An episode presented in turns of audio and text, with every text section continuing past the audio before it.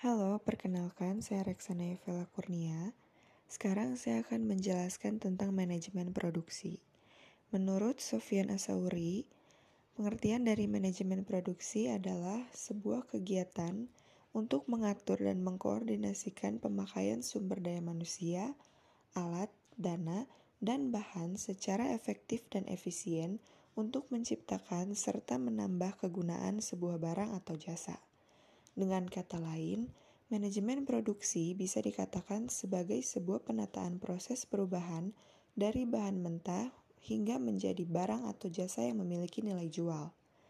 Manajemen produksi juga merupakan bagian dari bidang manajemen yang memiliki peran untuk melakukan koordinasi beragam kegiatan agar tujuan bisnis dapat tercapai serta barang dan jasa yang dihasilkan pun sesuai dengan perencanaan.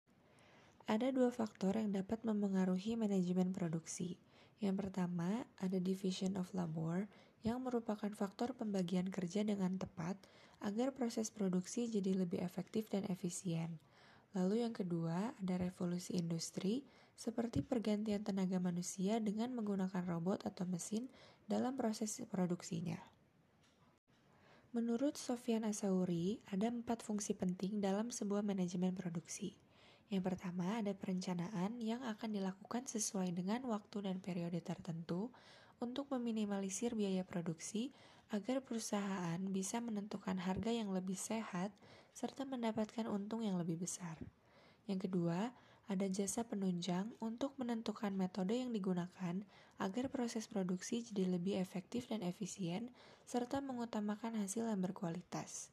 Yang ketiga, ada proses pengolahan untuk memanfaatkan sumber daya secara efektif dan efisien.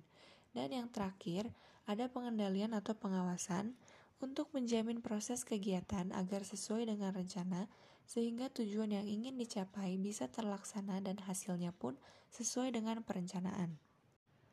Terdapat tiga macam ruang lingkup dalam jenis manajemen produksi. Yang pertama, ada ruang lingkup yang berkaitan dengan desain. Hal ini bisa dikatakan sebagai keputusan jangka panjang dalam manajemen produksi. Yang kedua, ada ruang lingkup yang berkaitan dengan transformasi. Hal ini bisa dikatakan sebagai keputusan jangka pendek. Dan yang terakhir, ada ruang lingkup yang berkaitan dengan perbaikan. Hal ini lebih bersifat berkesinambungan, di mana dilakukan secara rutin dan berkala. Berikut beberapa aspek yang harus diperhatikan secara khusus agar dapat menghasilkan barang produksi sesuai dengan yang diinginkan. Yang pertama, ada perencanaan produksi untuk melancarkan proses produksi secara sistematis, mulai dari jenis, kualitas, dan kuantitas barang, bahan baku yang digunakan, serta pengendalian dari proses produksi itu sendiri. Yang kedua, ada pengendalian produksi. Pengendalian produksi dilakukan agar proses produksi sesuai dengan perencanaan dan hasilnya lebih maksimal dengan biaya yang seminimal mungkin. Lalu yang terakhir ada pengawasan produksi. Pengawasan produksi dilakukan agar proses produksi bisa berjalan sesuai dengan yang diinginkan dan biaya operasionalnya sesuai, seperti menentukan kualitas barang, melaksanakan produksi sesuai jadwal, serta membuat standar barang. Mungkin sekian penjelasan dari saya tentang manajemen produksi. Sampai bertemu di podcast selanjutnya. Terima kasih.